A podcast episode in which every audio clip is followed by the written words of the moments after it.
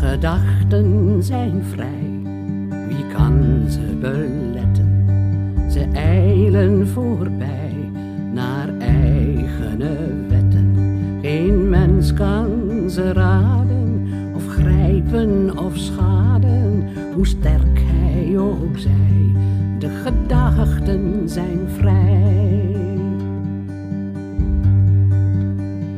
Je luistert naar Lekker Loslaten. Loslaten is echt iets anders dan wegstoppen of ontkennen dat je ergens last van hebt. Als je emoties wil loslaten, bijvoorbeeld verdriet om wie of wat je bent kwijtgeraakt, frustratie over wat niet gelukt is of woede over wat jou is aangedaan, dan moet jij je eerst realiseren dat je die emoties vasthoudt. Je hoeft ze niet opnieuw te beleven, je hoeft het zelfs aan niemand te vertellen. Er zijn verschillende technieken die helpen bij het loslaten, maar het belangrijkste is het besluit. Jouw besluit om het te doen. Als jij gaat loslaten wat je vasthoudt, kan dat wat jou vasthoudt ook jou loslaten. En gek genoeg geldt dat zowel voor boventallige kilo's als voor andere lichamelijke gevolgen van vasthouden. Deze podcast is voor mensen die al van alles geprobeerd hebben en die bereid zijn om dat weer los te laten. Ik denk wat ik wil, wie zal het mij verbieden? Mijn denken gaat stil, waarheen het wil vlieden. Mijn wens en verlangen neemt niemand gevangen, hoe sterk hij ook zij. De gedachten zijn vrij.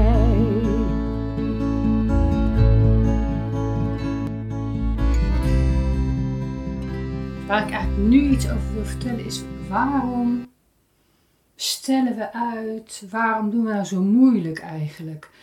En allereerst, ik weet het ook niet. En ik heb wel allerlei ideeën.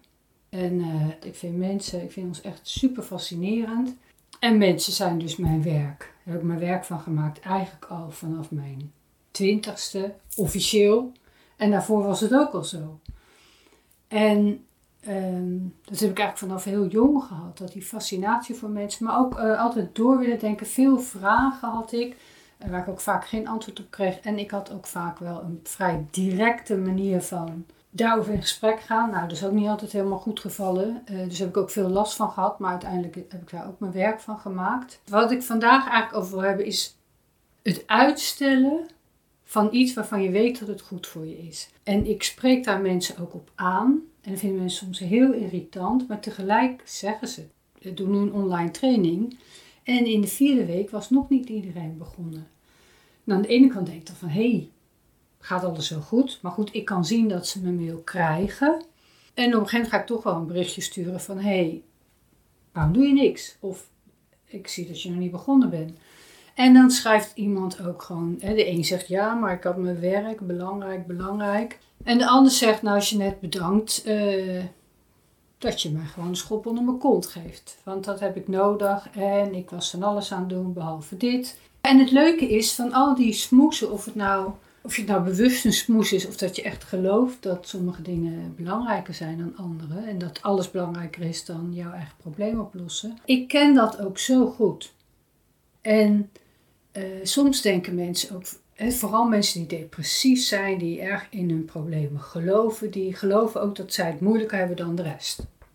Mensen doen van alles soms om niet dat te doen wat ze eigenlijk te doen hebben. En ik ken dat ook. Ik weet dat, ik zweer erbij dat als één ding is waar ik altijd heel erg van opknap, is het van in de Noordzee zwemmen.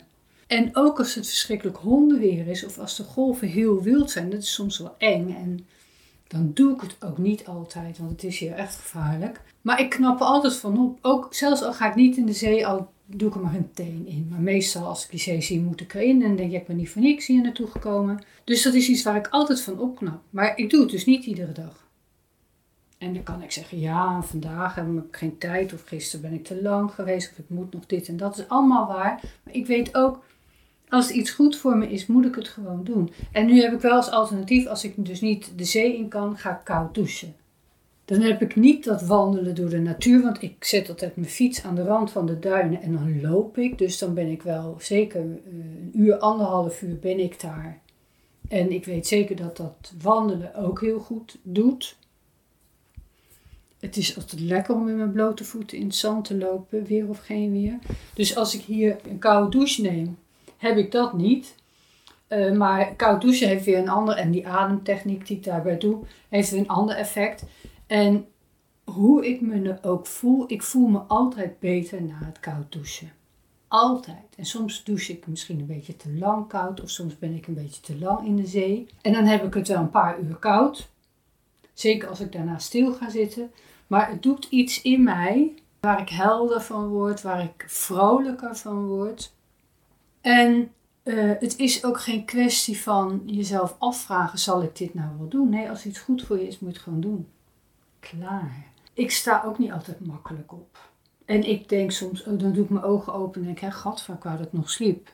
Of dan denk ik, ook oh, moet dat en dat en dat allemaal nog doen vandaag. Ga ik dat wel redden? Of dan hoor ik het gewoon keihard regenen op het dak. En dan is het pas, weet ik veel, half zeven, zeven uur.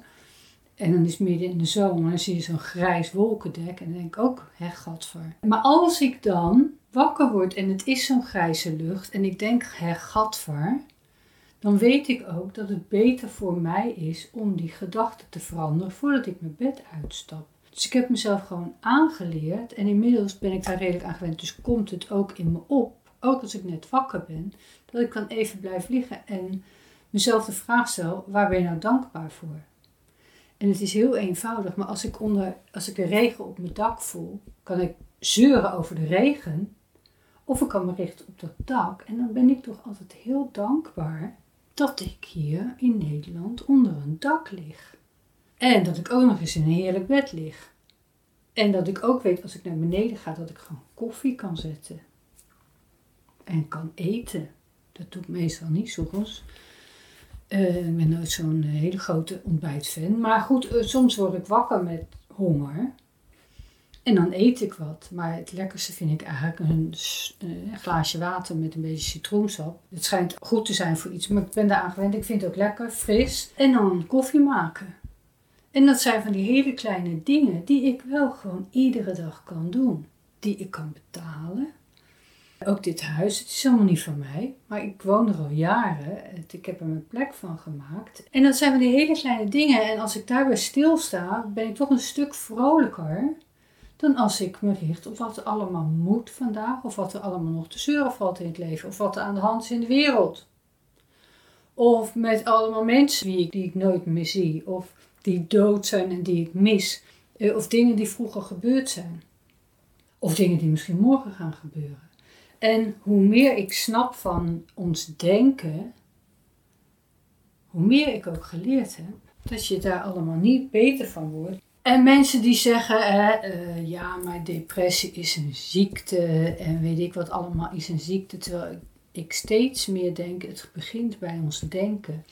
Ons denken is eigenlijk de grootste probleemveroorzaker. En we kunnen ons denken kiezen, maar we zijn vaak zo uh, dat we daar niet meer bij stilstaan en dat we het ook niet, niet de rust nemen of de afstand nemen. Dus ja, zodra je wakker wordt ben je aan het denken. Sterker nog, als je slaapt ben je misschien wel aan het denken. Ik weet niet precies wanneer het nou dromen en wanneer het nou denken is. En is ook, hè, je kan wakker worden uit een verschrikkelijke droom.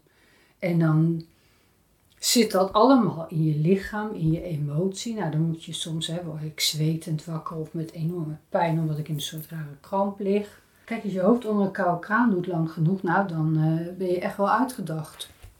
Want dan kom je, ik weet niet precies wat er gebeurt, uh, maar dan kom je toch in een soort overlevingsstand en er gebeurt van alles in je lichaam en in je denken, waardoor boem. Daarom vind ik het ook zo fijn om te doen. Nou, ik vind het niet fijn om te doen. De eerste minuut vind ik altijd verschrikkelijk. En daar maak ik ook maar geen put van, want ik weet dat ik aan het eind, na een paar minuten, vind ik het geweldig en vaak al halverwege.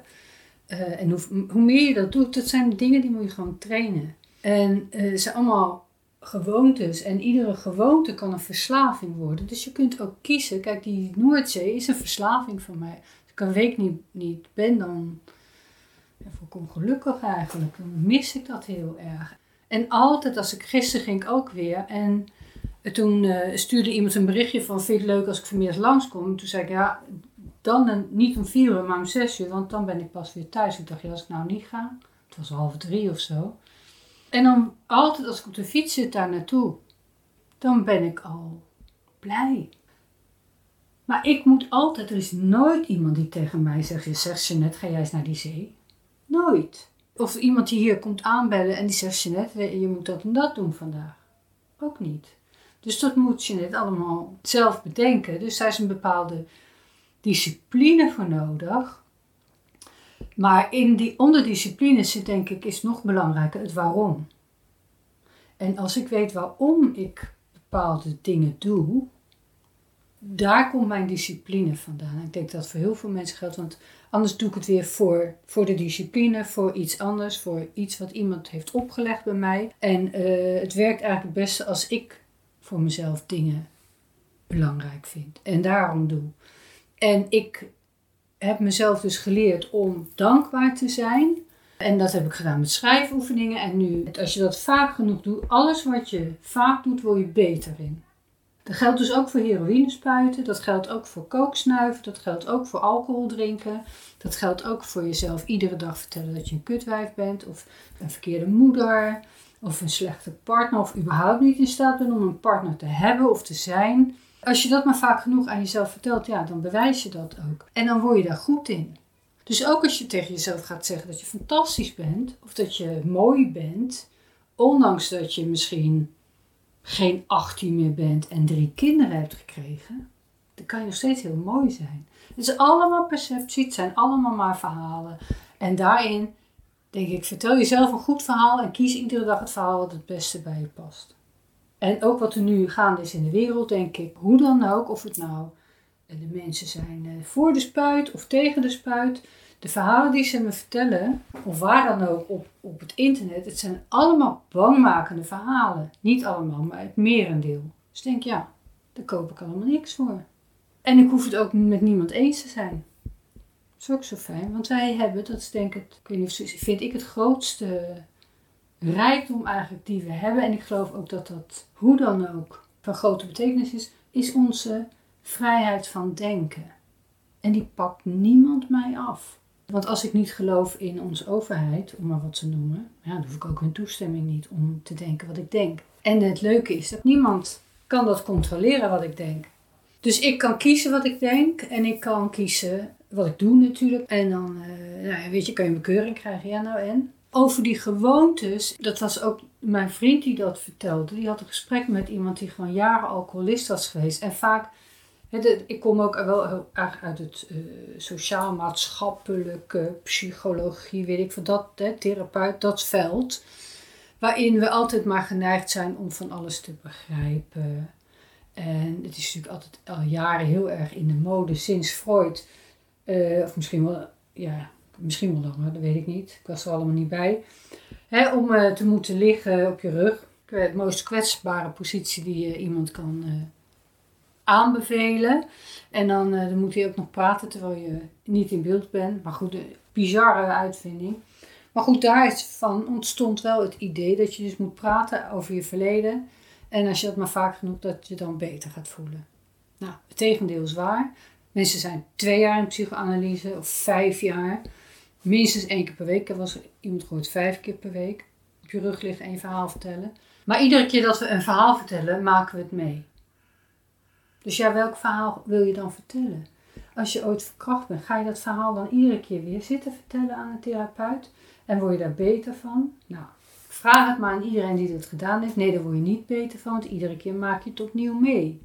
En dan kan je, dat soort therapie heb ik ook wel gedaan en geleerd, lichaamsgericht. En dan mocht je mocht ik boos worden op mijn vader, mocht ik met een tennisracket of met een mattenklopper erop losslaan. Ja, dan hield ik het misschien niet in mijn lichaam vast, maar zolang het in mijn hoofd niet was opgelost, hielp dat ook niet. En ik heb allemaal dat soort dingen gedaan, maar uiteindelijk denk ik, ja, het zit hier. Hoe denk, wat is mijn perceptie? En eigenlijk zoals ik nu zie, denk ik, ja, ik had hele jonge ouders die niet zo goed wisten hoe ze met zichzelf uh, om moesten gaan, staan met hun kinderen. Maar er was wel heel veel liefde. Hoe debiel dat er misschien ook af en toe uitgezien heeft, hè, of in je moet je bordje leeg eten, daar zat liefde achter. En ik denk het allerbelangrijkste voor mij nu, wat er ook gebeurd is in mijn verleden, is weet het is voorbij, ik kan dat niet meer veranderen, ik kan niks terugdraaien. Dus het beste wat ik nu kan doen is vergeven. En het liefst ook nog gewoon vergeten. Dus nog even terug naar die zee. Ik doe dat dus niet altijd, ook al weet ik dat het goed voor me is. En dan is het ook heel praktisch waar dat ik soms gewoon echt dingen moet afkrijgen. Eh, omdat ik dan een deadline heb, omdat ik trainingen maak en die moeten op, een, eh, op tijd online zijn.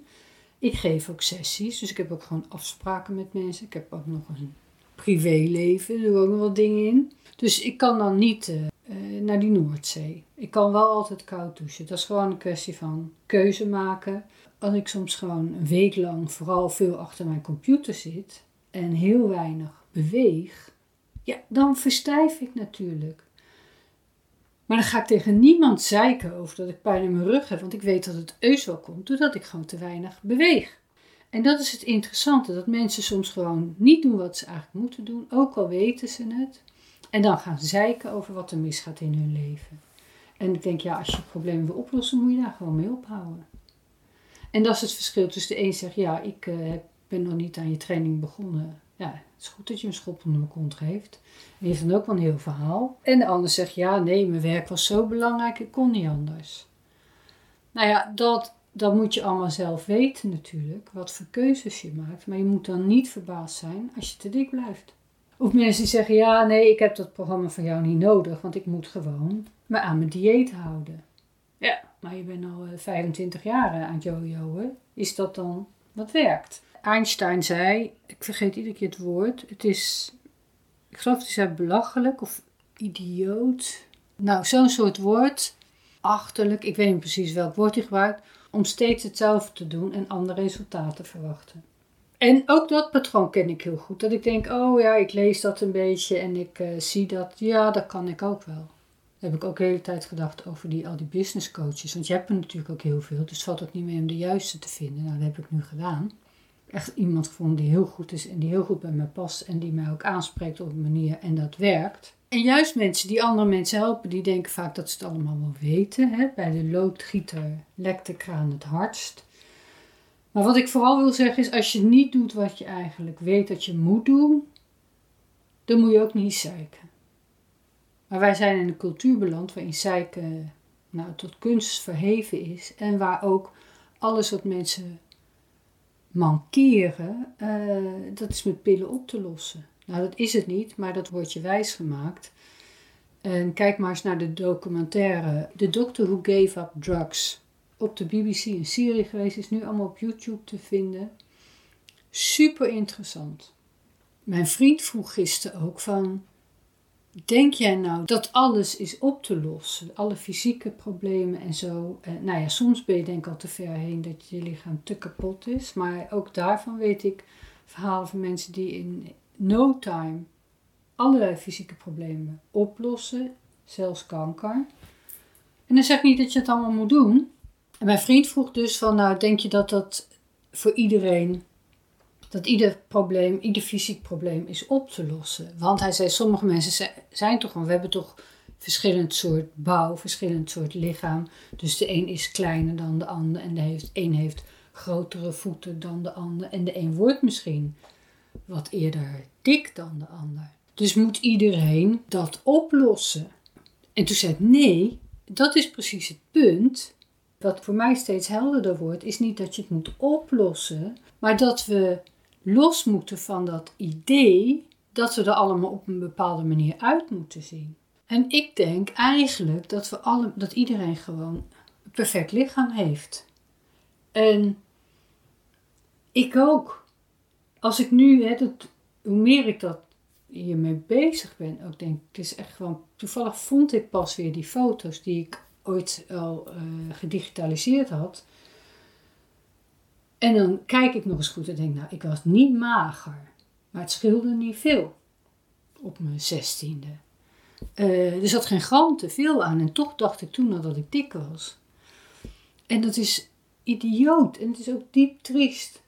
Uh, dat je gewoon uh, 30, 40 jaar een probleem kan hebben wat je eigenlijk niet hebt. En dan ga je dus de dieetindustrie volgen en diëten volgen en dan word je dikker. En ik weet, er is een onderzoek geweest. Of nee, nee, niet alleen onderzoek, echt experiment. Met anorexia-patiënten. eh, die, die, die ze dikker wilden krijgen. En uiteindelijk het enige wat hielp was ze op een dieet zetten. Daar zijn ze dikker van geworden. Zo jaren geleden gedaan. Ik denk van inderdaad, die verschillen zijn er. En ook qua huid.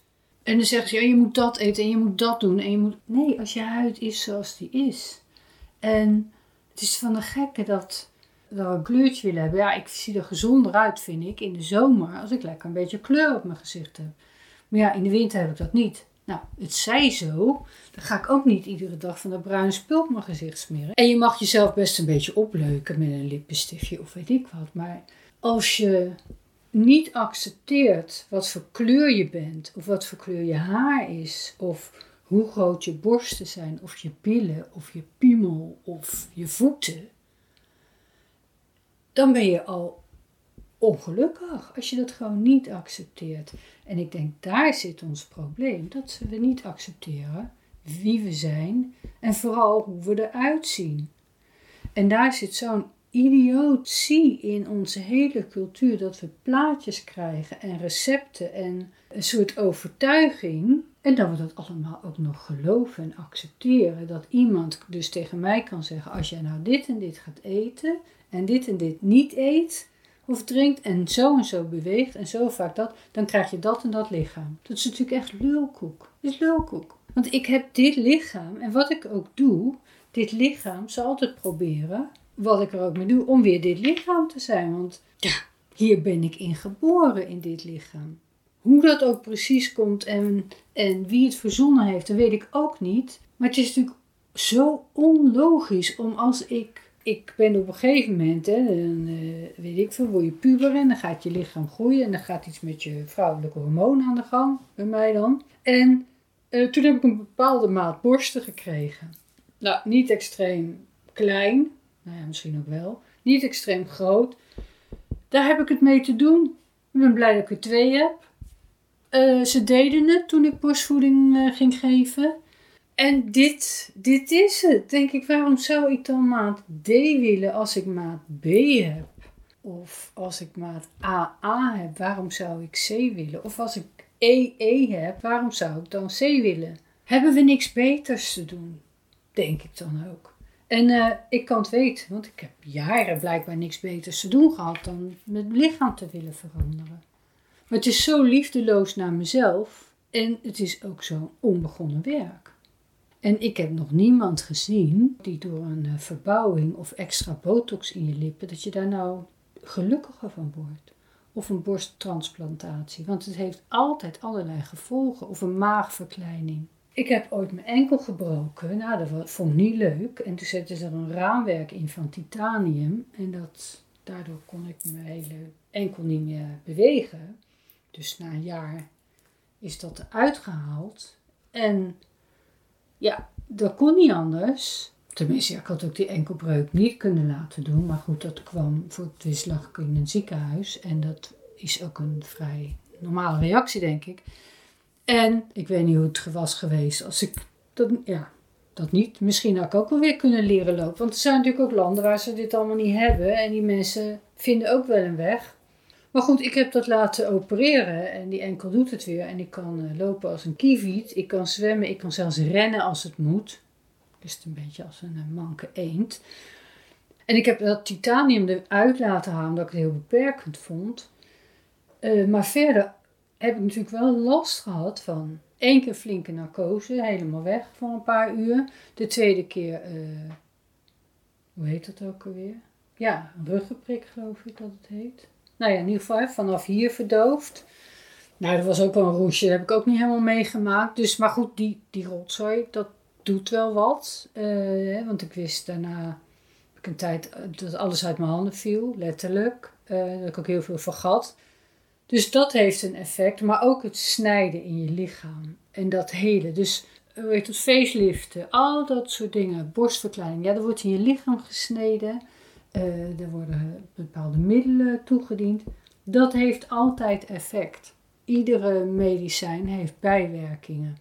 Dus dat alleen al heeft effect wat helemaal niet zo fijn is. En dan nog denk ik, ja, als we allemaal een facelift gaan doen, gaan we allemaal net zo'n gezicht als Linda de Mol krijgen. Nou, daar zit ik niet op te wachten.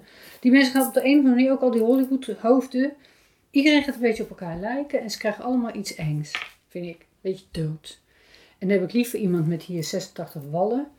Liever dit, wat iedere dag trouwens een beetje anders is. En die zakken of die rimpels zijn echt iedere dag anders.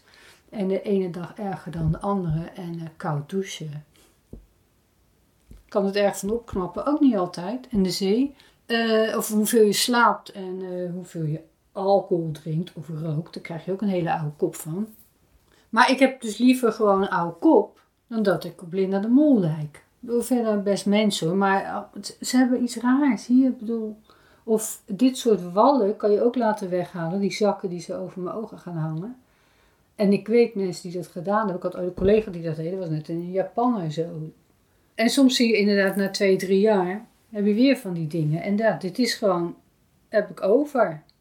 Ja, moet ik het dan weg laten snijden? Ik vind het ook een beetje eng, want het zit wel dicht bij mijn ogen. En dan nog denk ik, ja, op een gegeven moment gaan die dingen veranderen. Nou, en? En ik heb een, eigenlijk een heel gezond lichaam. En alles zit er nog aan, alles doet het nog. En dat is denk ik ons probleem. Dat hele, we kunnen dingen zo groot maken. En zo groot maken dat je het inderdaad zegt, nou, ik wil daarin laten snijden. In je eigen lichaam laten snijden. Nou goed, ik heb dat nooit goed begrepen. En dan het hele verhaal van de maagverkleiningen. Nou, oké, dan eet je niet meer omdat je altijd pijn hebt. Maar je hebt heel veel huid over van toen je wel dik was. Daar moet ook nog heel vaak aan geopereerd worden. Of je kan, je hoeft niet te opereren, maar je kan echt niet in je bikini naar het strand. En we doen onszelf eigenlijk zoveel shit aan. Maar dat zit dus heel erg in het idee dat de oplossing van buiten moet komen. En dat is wat ik steeds meer leer. Dat de oplossing binnenin ons zit. En eigenlijk is de grootste oplossing al om te accepteren wie je bent en in wat voor lichaam je woont. En behalve dat accepteren, en misschien ook een beetje dankbaar zijn dat je zo'n lichaam hebt. Want kijk maar eens om je heen of kijk eens op YouTube. Er zijn mensen die geen armen of geen benen hebben. Er zijn mensen die nooit groter worden dan een kind van vier. Dat zijn er niet zoveel. Of een te groot hoofd of een te klein hoofd. Of weet ik wat mensen allemaal niet kunnen mankeren. Nou, als ik daaraan denk, dan heb ik gewoon. Ben ik een zondagskind. Want ik heb gewoon alles. En ja, in de loop van je leven krijg je misschien wat mankementen. En dan denk ik, wat zou ik nou zeiken over uh, eh, 10 kilo te veel? Of dikke billen. Het zit goed hoor. En wanneer wordt het nou een probleem? Het iets wordt een probleem als wij daaraan denken. En alles waar je aandacht op richt, dat groeit. In de Huna op Hawaii zeggen ze: Energy flows where attention goes. Aloha, the world is what you think it is. Het is zo eenvoudig. En eigenlijk is het leven ook heel eenvoudig. Maar wij worden helemaal gek gemaakt. En we maken ons gek. Doordat we van heel veel dingen een probleem maken. En pas ook vroeg ik aan iemand, waar ben je nou dankbaar voor? En uh, die gaf geen antwoord. Toen zei ik, nou, dat is niet zo'n moeilijke vraag. Ik vraag het nog een keer. Waar ben je nou dankbaar voor? Noem maar het eerste wat in je opkomt. Maakt niet uit, kan niet fout zijn. Ja, het is eigenlijk te veel om op te noemen. Nou, hoe kan dat nou? Noem dan het eerste wat van dat allemaal te veel is. Ja, mijn kinderen. En ik weet dat hij twee gezonde volwassen zonen heeft. Volwassen mannen. Waar hij ook nog eens contact mee heeft. Ik zeg, daar zou je de hele dag over kunnen praten wat er allemaal geweldig aan is. Maar als je dus, als iemand je vraagt, waar ben je dankbaar voor? Nou, ik, als ik dat aan mezelf vraag, dan kan ik zo twee uur vol kletsen. Alleen al over mijn eigen lichaam, mijn eigen huis, mijn eigen kind, mijn eigen kat, mijn eigen, niks is van mij trouwens. Ehm, of wat ik allemaal heb meegemaakt in mijn leven. En als ik me richt op waar ik dankbaar voor ben. Alle reizen die ik gedaan heb, alle mensen die ik ontmoet heb. Ja, of ik kan me richten, zoals ik dat vroeger geleerd heb op de sociale academie en in mijn beroepsgroep, over wat er allemaal mis was, wat mijn ouders fout hebben gedaan, hoeveel mijn vader dronk. En dan denk ik, ja, ze zijn, eh, de meesten zijn dood. Ik kan het niet terugdraaien. Het kan me ook eigenlijk helemaal niet meer schelen wat er vroeger gebeurd is. Want ik ben nu, op mijn leeftijd mag het ook wel eens, verantwoordelijk 100% voor mijn leven van vandaag. En voor wat ik er verder van maak. En het voordeel daarvan is dat ik niemand slachtoffer ben. Dat ik tegen niemand zeg van ja, ik ben nu zo om wat jij ooit gedaan hebt. Wat is dat eigenlijk voor een onzin? En er is wel eens ooit iemand geweest die mij echt. Uh, nou ja, die, die man was ook, die dronk ook veel. En ik hoorde vanochtend toevallig nog Jordan Petersen zeggen dat alcohol agressief maakt. Maar die wilde mij echt op een bepaald moment nou ja, deed gewoon een aanslag op mijn leven, reed op mijn auto in, kwam een verdeelsleutel aan, achter me aan. Ik was twintig. Dus die wilde mij wel, nou misschien echt wel doden op dat moment, echt kapot maken. Dus ik ben wel een paar jaar bang geweest voor die gast. Maar ik was ook wel heel kwaad überhaupt dat hij dat deed. En ik ben gewoon, ik heb hem in de gaten gehouden en ben op de goede manier weggerend. En nooit meer gezien. Ik heb ook aangifte gedaan bij de politie. Ja, toen zeiden ze gewoon, nou ja, zeg, kan je hem oppakken? Ja, maar morgen laten we hem vrij. Dan komt hij misschien wel naar je toe. Ja, bedankt. Dus heb ik verder nooit. Maar goed, ik ben op een gegeven moment heb ik zelfs hem ook vergeven. En ja, ik denk daar eigenlijk nooit meer aan. Maar zoiets kan je ook de rest van je leven laten bepalen. En dan was dit nog, weet je, ik ben gewoon goed weggekomen. Ik heb ook meteen, uh, ik werkte toen in een kroeg waar hij wel eens kwam. Ik heb meteen de volgende dag mijn ontslag genomen. Ik dacht, nou, dit is dus niet helemaal mijn manier van leven. Ik heb geen zin in dit gezeik. Uh, of met zulke mensen überhaupt rekening te moeten houden. Dus, maar wat ik wil zeggen, er zijn dus zelfs mensen geweest in mijn leven die ja, op de een of andere manier zo'n probleem met mij hadden. En er zijn er volgens mij niet zoveel geweest. Hij is de enige die van ik me herinner die echt een aanslag op me gedaan heeft. Uh, probeerde te doen. En er zijn wel eens meer gasten geweest die wat geprobeerd hebben bij mij. En misschien ook wel dachten, nou ja, die grijp ik een keer. Uh, maar het is me eigenlijk nooit echt gebeurd. Nou, dat is ook wel iets om dankbaar voor te zijn. Want ja, ik kan wel sterk zijn en slim, maar ja, als ze met z'n vijven zijn, maak je niet zoveel waarschijnlijk. Dus, hoe kom ik nou op die idioot eigenlijk? Nou ja, die is misschien ook al lang dood. Uh, dat wou ik zeggen. Ik richt me dus liever op wat er allemaal zo goed is, dan dat ik aan dat soort dingen terug ga zitten denken. Want het is gigantisch lang geleden. Ik was een jaar of twintig, 19 zelfs, geloof ik. Weet ik veel. In ieder geval heel lang geleden is dat. Nou, nee, dat was 20, was allebei heel lang geleden. En ja, het is ook niet zo'n leuke herinnering. Dus nou, weg daarmee. En hoe minder je eraan denkt, hoe minder invloed het heeft op je leven. En als je heel veel opgestapeld hebt en je zit dat het weg te stoppen of weg te drinken of weg te blowen, dat is wat anders, hè? Dan dat je gewoon bewust naar kijkt en denkt, ja, klaar. Hier uh, hoef ik niks meer. En het loslaten. Loslaten of wegstoppen. Dat zijn twee heel verschillende dingen. Want als je iets niet wil voelen, en dat is vaak het probleem natuurlijk met, met alles, hè, alcohol, drugs, uh, eten, dat we iets doen om iets anders, om een emotie niet te voelen. En ik heb erkend dat ik uh, geschrokken was toen. Ik heb erkend dat ik heel bang was. Erkend dat ik boos was. Uh, verdrietig überhaupt dat iemand op het idee kwam om dat te doen. En dat ik, ik snapte het ook niet. Ik kende die hele gast eigenlijk niet. Ja, hij had me wel eens mee uitgevraagd. ik had ergens gevoeld dat het een beetje een engert was, dus ik had nee gezegd. En dat vond hij heel frustrerend. Maar dat iemand zo lijp was, dat wist ik ook niet. Maar goed, het is allemaal heel lang geleden, dus daar richt ik me niet meer op. U kreeg me überhaupt niet op mensen die mij niet, uh, niet moeten. En die moeten vooral lekker gaan en die ga ik uit de weg. En uh, dat zoek ik ook nooit op. Maar er is zoveel in mijn leven wat ik heb meegemaakt, wat echt zo gaaf is om aan terug te denken. En kijk, nu hebben we al dat gedoe wat in de wereld gaande is en dat je moet getest worden om in een vliegtuig te stappen. Nou, dan stap ik even niet in een vliegtuig. En dat kan misschien nog wel een paar jaar duren. Maar ik heb al zo vaak uh, gevlogen en ben in zo'n mooie plekken geweest dat ik kan mijn ogen dicht doen en dan ben ik er ook. En dat is misschien wel uh, rustiger en veiliger nu. Het scheelt ook een hoop gedoe trouwens, als je niet naar een vliegveld hoeft en al die stress en al dat gedoe. En zeker nu. Uh, dus het is echt, we kunnen echt kiezen. Waar ga je druk over maken en waar niet? En daarin zit dan ook het verschil. Hoe ver laten we onszelf beïnvloeden door al die ideeën over onszelf en over ons lichaam. Want er zijn mensen die zijn uh, heel dun en die vinden zichzelf nog te dik. En die gaan zichzelf uithongeren en die gaan weet ik wat allemaal doen. Of zijn doodongelukkig. Dat zie je dan ook vaak aan ze.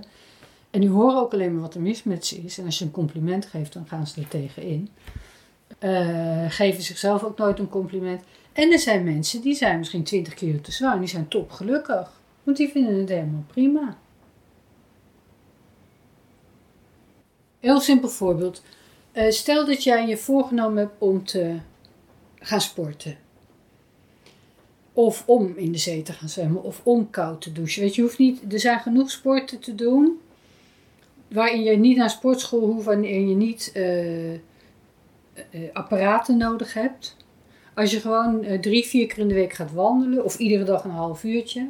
Is dat al heel goed voor je conditie. Dan ben je buiten, je beweegt. Dat zijn hele kleine dingen, kan je al doen. En dan hebben mensen iets van, of in het koude water gaan zwemmen, weet ik veel. En dan hebben mensen iets, ja, maar ik kan geen oppas vinden voor mijn kinderen. Maar als jij kanker zou hebben en je zou een afspraak moeten hebben voor je chemotherapie, kan je ook oppas vinden. En dan zeggen mensen ook, ja, natuurlijk pas ik op je kinderen. Dus ga je wachten tot het zover is, tot je echt heel erg ziek bent of heel erg dik of heel erg ongelukkig, depressief. En ga je dan pas hulp zoeken? En net zo goed als dat ik, als ik een week achter de computer zit, dan wordt alles stijf. Ga ik daar dan mee door totdat ik niet meer anders kan dan fysiotherapie en weet ik wel? Of denk ik dan gewoon zelf? Ga gewoon bewegen. Als ik dan ga zwemmen en ga lopen of een beetje pilates doe. En ik hoef daar niet van naar de sportschool. Ik heb jaren pilates gedaan. Ik weet precies wat ik moet doen. Matje uitrollen en die oefeningen doen. Of ze nou pijn doen of niet. En hoe vaker ik ze doe, hoe minder ze pijn doen. En soms heb ik wat anders nodig, wat leuks. Nou ja, dan ga je leren handstand staan. Of ik ga leren, wat is het andere nou? Uh, nou ja, of planken, uh, push-ups. Ja, als ik last van mijn armen en mijn schouders heb, dan weet ik dat de zo te slap is. En ik heb bloedhekel aan push-ups, maar ik weet wel, je gebruikt al je spieren of planken is verschrikkelijk om te doen. Het werkt wel. En duurt niet zo lang. En uh, weet je, dat soort dingen zijn allemaal te organiseren. Zelfs als je nooit de deur uit mag. Het is een kwestie van hoe ga je met jezelf om. En pas sprak ik iemand die mij zeer dierbaar is en uh, die is ook gewoon verslaafd aan uh, dingen. En die zou dan komen en dan zou ik hem helpen en dan toch niet. En ehm, Kijk, en dan hebben mensen op het laatste moment soms, die weten precies wat aan. Dus zeker met verslaafden. En ik heb veel met verslaafden te maken gehad. En ik ken ook het patroon van verslaafden. Omdat ik uh, in, in, met verslaafden ben opgegroeid. Vooral. En ik weet het door alles wat we dan ontkennen. En ik ken zelf ook heel goed al die patronen van verslaving. Maar ik was er ook scheidziek van. Uh, dus ik wil dat niet. En uh, voor mij helpt het dus heel goed om verslaafd te raken aan de Noordzee of aan dat soort zaken. Uh, waarin ik het mis als ik het niet doe. Nou, ik ga liever dat ik een beetje ongemakkelijk ben dat ik een tijdje niet gezwommen heb en dan lekker zwemmen. Dan dat ik sta te trillen zorgens omdat ik niet zonder alcohol meer kan. Zonder sigaret of weet ik wat voor vieze troep.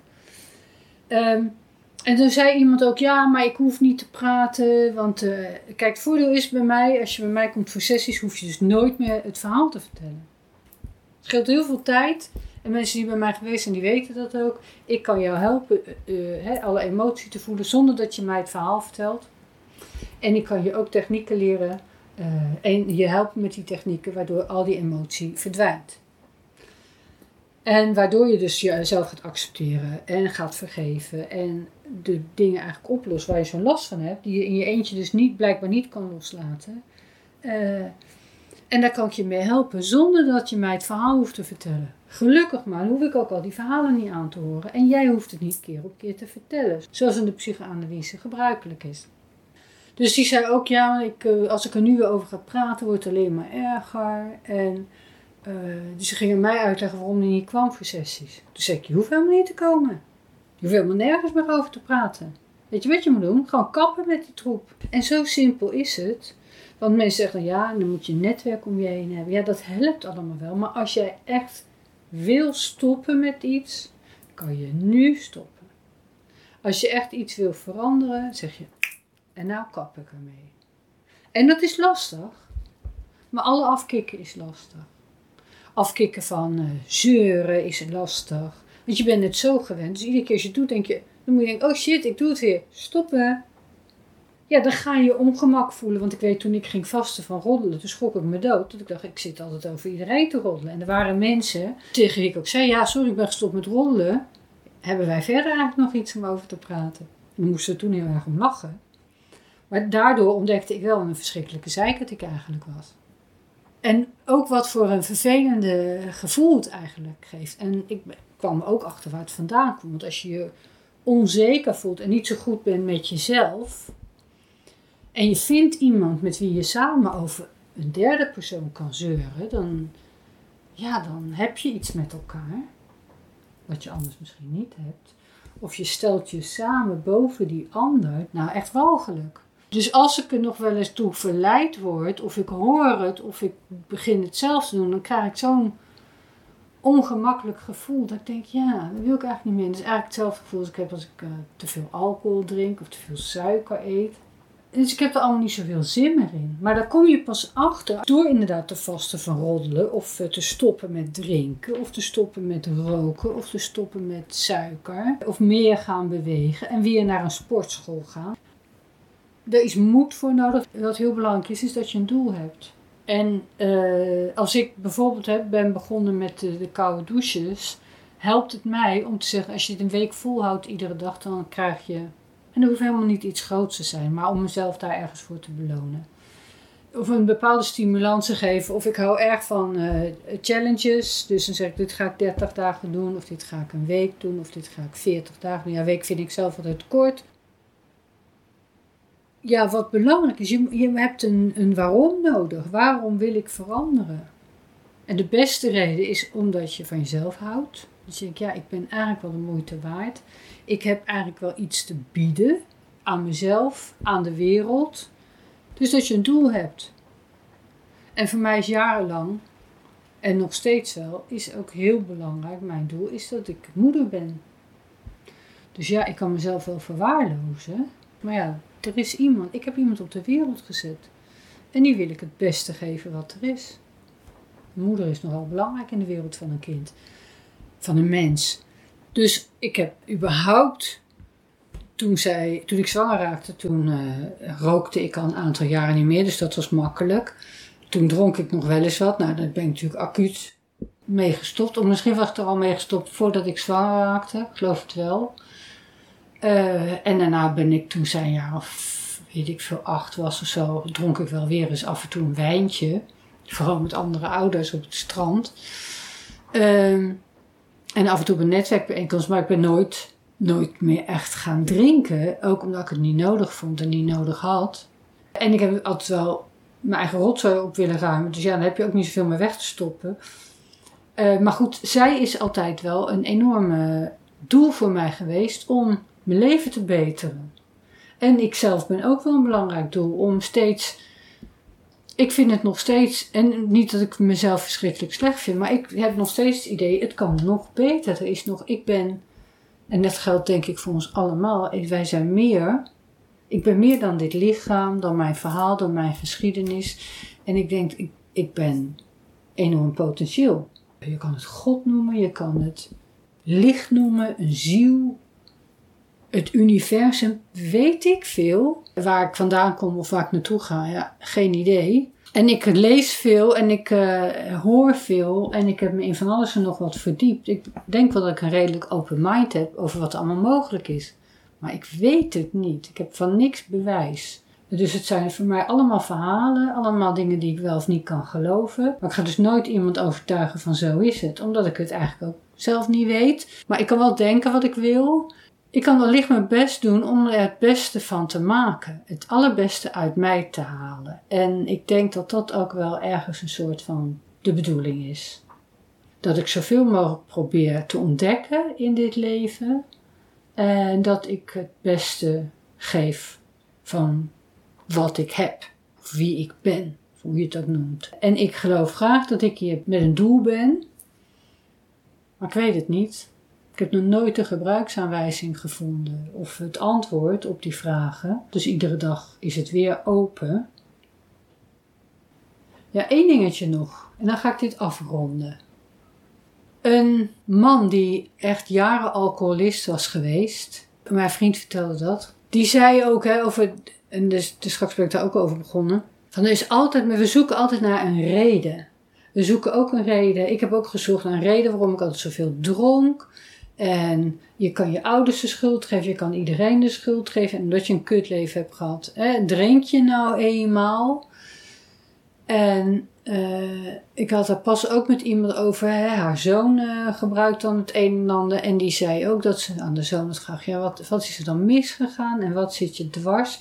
En toen zei ik ook: ja, misschien heb jij helemaal als moeder niks misgedaan. En ik weet dat je je best hebt gedaan. Misschien heeft hij wel wat gedaan wat hem dwars zit. Dat kan ook, hè, dat je zelf. Dat lijkt me eigenlijk nog erger. Het is erg als je erg slachtoffer van bent, maar als je iets, iemand anders iets verschrikkelijks hebt aangedaan, dat is volgens mij nog zwaarder om mee te leven als je een beetje geweten hebt. Uh, maar die alcoholist, of ex, ik weet niet of het nou een alcoholist was of een ex-alcoholist, die zei: Het is gewoon een klote gewoonte. En dat vond ik zo verfrissend. Want dat is het. En met iedere klote gewoonte kan je gewoon zeggen: Ja, eigenlijk ben ik ook een klootzak. Ik kap ermee. Ik kap met dat zeiken iedere ochtend. Of de hele tijd vertellen wat er mis is in de wereld. En ik weet dat ik, ja, dat heb ik ook een beetje wel van huis uit meegekregen. Altijd zeuren over wat er mis is. Of roddelen over alles en iedereen. En ik weet dat ik ook wel vriendinnen had. En we hadden allemaal ingewikkelde relaties. En dan ging het hebben over uh, die mannen, wat er allemaal mis mee was. Op een gegeven moment ik heb ik gewoon geen zin meer in. Uh, als ik niet tot een relatie in staat ben dan zal het wel aan mij liggen. Of uh, als ik altijd dezelfde klootzakken kies of dezelfde foute mannen kies. En dat is natuurlijk ook mijn eigen stommiteit. En dat kan ik dan wel onbewust doen. En dat komt natuurlijk dan door mijn vader en mijn opa en weet ik wie allemaal. Of mijn moeder. Nee, als ik gewoon niet in staat ben tot een relatie. En altijd mannen aantrek waarmee ik dan later overhoop lig. Of die eigenlijk helemaal niet geïnteresseerd zijn in mij, maar vooral in zichzelf of wat dan ook, als ik dat doe en ik weet geen betere manier, moet ik daar in ieder geval mee ophouden. Ik weet dat ik vroeger nogal uh, goed gebekt was. Nou, dat ben ik nog steeds, maar ik kon ook wel heel fel zijn. En dat kan ik ook nog steeds, maar uh, nu wel vanuit een andere bedoeling. Ik weet als, ik, als je met dingen wil stoppen, dan heb je niet altijd meteen een alternatief. En ik weet als ik dan toen ik jong was vaker meegemaakt. Had ik iets gezegd en dan zag dat iemand schrok en dacht oh shit, doe je het weer. En ik dacht, het was niet eens vanuit kwade bedoelingen vaak. Uh, of soms ook wel zo'n beetje cynische, wrange humor. Dat is een beetje mijn overleving. Nou, een beetje, dat was mijn overleving. Uh, met de cynische humor hebben wij van huis uit een beetje gered in de meest bizarre tijden. Maar dat kon niet iedereen hebben, dat kon ook niet iedereen waarderen. En soms was het ook helemaal niet nodig. En dan had ik weer iets geroepen. Dat was mijn overleving om mee om te gaan. En dan dacht ik, shit, je doet het weer. En toen dacht ik echt, daar moet ik mee ophouden. Zo'n soort vaste. Dus dan weet ik nog wel dat ik dan iets in me op kwam om te roepen. En dan dacht ik, nee, dat wil ik niet meer doen. En dan stond ik stil. Ja, ik had geen idee wat ik dan moest doen. Dat voelde heel ongemakkelijk. En het is eigenlijk net zo goed als dat je in de kroeg staat en iedereen is aan het bier drinken en jij drinkt niet mee. Of wat dan ook aan het drinken. Weet je, als je van alcohol gaat afkicken en iedereen om je heen drinkt, ja, dan heb je ook een beetje het gevoel, uh, wat doe ik hier en op welke planeet ben ik nu beland en wat is hier eigenlijk zo grappig. Want dan zie ik pas hoe debiel iedereen eigenlijk doet als ze wat op hebben. En ik weet dat ik dat ook had met dat ik dacht, nee, ik moet mijn kop houden. Maar wat ik dan wel moest doen, dat wist ik ook niet. Dus ik dacht, nou, hou in ieder geval je kop. En daar moet je doorheen durven gaan. Want ik weet dat ik dat ook heel ongemakkelijk vond. Want ik had geen alternatief. En ik weet ook niet meer hoe ik dat heb opgelost. Ik denk dat heb ik gewoon een tijdje volgehouden. En op een gegeven moment komt er wel iets anders voor in de plaats. Ik dacht vroeger ook als iemand aan mij vroeg hoe gaat het met je, dat ik dat moest vertellen. Er was een soort overtuiging van mij. Want ik, als ik dat aan iemand vraag, wil ik ook altijd weten hoe het gaat. En ik weet, ik was in Ierland op een gegeven moment en daar riepen ze op straat: How are you? En toen luisterde ik, want ik was alleen daar op reis, en toen luisterde ik dat ze dan naar elkaar riepen, terugriepen: How are you? Dus niemand gaf antwoord. Iedereen vroeg gewoon: Hoe gaat het met je? En toen ik Grieks leerde, merkte de Grieken doen het ook. Die kaneten, die. Hoe gaat het? Hoe gaat het? Hoe gaat het? En niemand geeft antwoord. Of ze zeggen iets van Mia Gada, weet je, nou, alle geluk. Maar niemand zegt eigenlijk, ja, het gaat goed met mij en hoe gaat het met jou? Dus dan dacht ik, oh, dat ga ik ook doen. En ik heb ook geleerd, ik kon vroeger niet liegen. En ik heb ook geleerd dat het soms prima is om te zeggen, oh goed hoor. Of om te roepen, en met jou?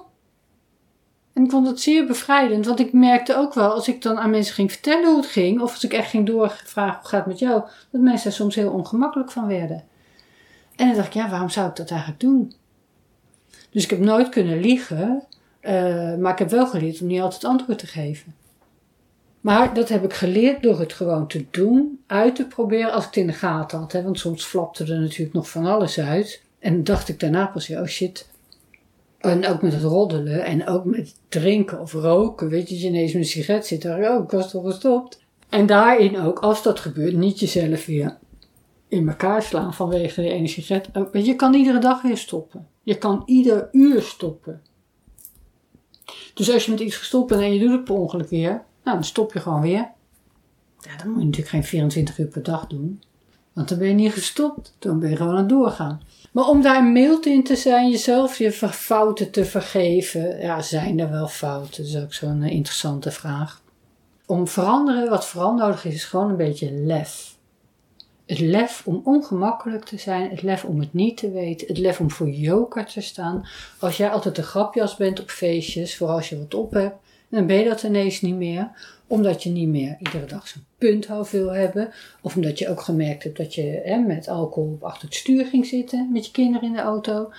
En dat je als je een beetje slim bent, denkt, ja, dat mag ik gewoon niet meer doen. Dus ik moet hiermee ophouden of andere dingen. Op een gegeven moment ga je namelijk jezelf beschadigen.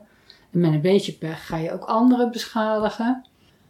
Dat is nou eenmaal het gevolg van gebruik, van wat voor drugs dan ook. En pillen, alcohol, alles. Eten, suiker. En er is moed voor nodig en er is lef nodig om echt eerlijk naar jezelf te zijn. En te weten van, ja, dit wordt een beetje lastig, maar ik ga het toch doen. En het mooie is, het goede nieuws, is als je stopt met wat dan ook, je leven wordt altijd beter, want je wordt weer meer jezelf. En dat weet je ook, dat hoor je ook van de mensen om je heen die zeggen, ja, ja als jij te veel op hebt, doe je dit en doe je dat. En dan ben je eigenlijk niet meer de persoon waar ik eigenlijk ooit zo van ging houden. En je bent jezelf het kapot maken en je maakt je huwelijk kapot. Of weet ik wat allemaal. En als je dat niet wil, jij bent degene die het kan veranderen. En dat kan je gewoon doen en dan kan je zeggen, ja, maar ik heb geen netwerk. Of ja, mijn partner drinkt ook. Ja, nou en? Als je een beetje ballen hebt en een beetje lef en een beetje ja, wat waard wil zijn, dan maak je gewoon die keuze. En dan kan je zelfs, als je dat doet, kan je voorbeeld zijn of een inspirator voor je partner. Want die zit met hetzelfde probleem ongeveer. Ja, als je elkaar de schuld blijft geven. Of zeggen, ja, ik ga, het zei pas ook iemand, ik ga uh, stoppen met roken in stoptober. Toen zei ik, waarom stop je niet gewoon in augustus? Als je nu al weet dat je wil stoppen. Dat scheelt uh, twee maanden. Ja, maar we gaan samen stoppen. Nou, dan stop je toch samen in augustus. Of als jij nu wil stoppen en weet dat je stop dan gewoon. En uh, hou op met al die lulverhalen. Ga je ook in je baard laten staan in november, weet ik wat allemaal. Ja, dat is eigenlijk vooral wat ik wilde vertellen. Je kunt kiezen, je kunt iedere dag kiezen uh, of je nou wel of geen netwerk hebt. En er zijn genoeg bewijzen van mensen die dat gedaan hebben. En zo iemand kan je ook zijn. En zolang je dat niet doet, natuurlijk het is wel makkelijk als je, hè, eh, als mensen je steunen. Of dat kan helpen. Maar je kan ook gewoon jezelf eens gaan steunen. En jezelf belonen. Als je een week niet gerookt hebt of niet gedronken. En alternatieven vinden. Eh, ik maak op het moment lekker kombucha. Ik heb ook al eens tijden kefir gemaakt. Weet je, ik ben niet zo. Ik koop nooit frisdrank, ik vind het allemaal troep. Maar als je zelf iets. Ik hou wel van zo'n bruisend drankje. Nou, spa vind ik dan ook een beetje onzin en een beetje saai. Je kan alternatieven maken. En daar kan je zelfs je tijd mee vullen. Nou, ik noem maar wat. Uh, waar een wil is, is een weg. En alles wat dat tegenhoudt, uh, zijn allemaal excuses. En als jij iets wil veranderen, nou dan heb je mij als een goede uh, supporter naast je staan. Ben ook lekker duidelijk. En persoonlijk hou ik er wel van als mensen maar gewoon dingen aanspreken. wie daar ook vaak heel goed in zijn, zijn je eigen kinderen. Luister er maar naar. Ook al is het bloedirritant. En je kan inderdaad ook kijken naar alle mensen die jouw leven zo lastig maken. Of je kan dat omdraaien en zeggen: hé, hey, stel nou dat het allemaal helpers zijn. Kijk bijvoorbeeld het verhaal dat ik vertelde over die gozer die mij uh, uh, te lijf ging. Daar ben ik eigenlijk nog steeds heel dankbaar voor. Ik werkte toen een half jaar in de horeca. Maar in no time was ik iedere dag op stap. Iedere dag alcohol drinken. En ik was twintig. En doordat zoiets gebeurde, toen heb ik gewoon meteen de volgende dag mijn ontslag genomen. En ik was denk al ergens wel aan het oriënteren. En dat was gewoon de druppel. Dus ik kan heel erg zeggen, oh, hij heeft mij bang gemaakt en weet ik wat. Nee, hij heeft me zo bang gemaakt dat ik dacht, ik moet weg uit die kroeg. En zo heb ik wel meer dingen meegemaakt, waardoor ik een stap heb gezet die ik anders misschien niet had gezet. In relaties, in banen, in reizen. Wat me uiteindelijk heel veel heeft opgeleverd. Dus soms kan iets wat heel erg een tegenslag lijkt, kan dus uh, je hele leven veranderen. Wil je meer weten? Kijk op mijn website. Vraag een van mijn gratis producten aan. Ik heb een eh, e-book, drie gouden tips, een spoedcursus over waarom je nu onmiddellijk zou moeten stoppen met dieet. En zo heb ik wel meer. En je kunt ook een gratis sessie met mij doen via Skype, half uur. Dan geef ik je sowieso drie gouden tips. Super leuk dat je geluisterd hebt. Hartelijk dank daarvoor, mede namens iedereen die heeft bijgedragen aan deze podcast. Ik hoop natuurlijk dat we het je iets makkelijker gemaakt hebben, want daar doen we het voor. Luister nog even naar een paar belangrijke dingetjes. Wil je meer horen? Abonneer je dan op deze podcast. Volg de instructies in de app waarmee je geluisterd hebt. Word je een beetje blij van wat je gehoord hebt in deze podcast? Deel dan die blijdschap en geef ons een review, zodat ook anderen gaan luisteren. En natuurlijk kun je de podcast delen via social media of doorsturen aan mensen waarvan jij denkt dat ze nog iets lekker los te laten hebben. Tot de volgende podcast. De gedachten zijn vrij, wie kan ze beletten? Ze eilen voorbij naar eigene wetten. Geen mens kan ze raden of grijpen of schaden hoe sterk hij ook zij, de gedachten zijn vrij.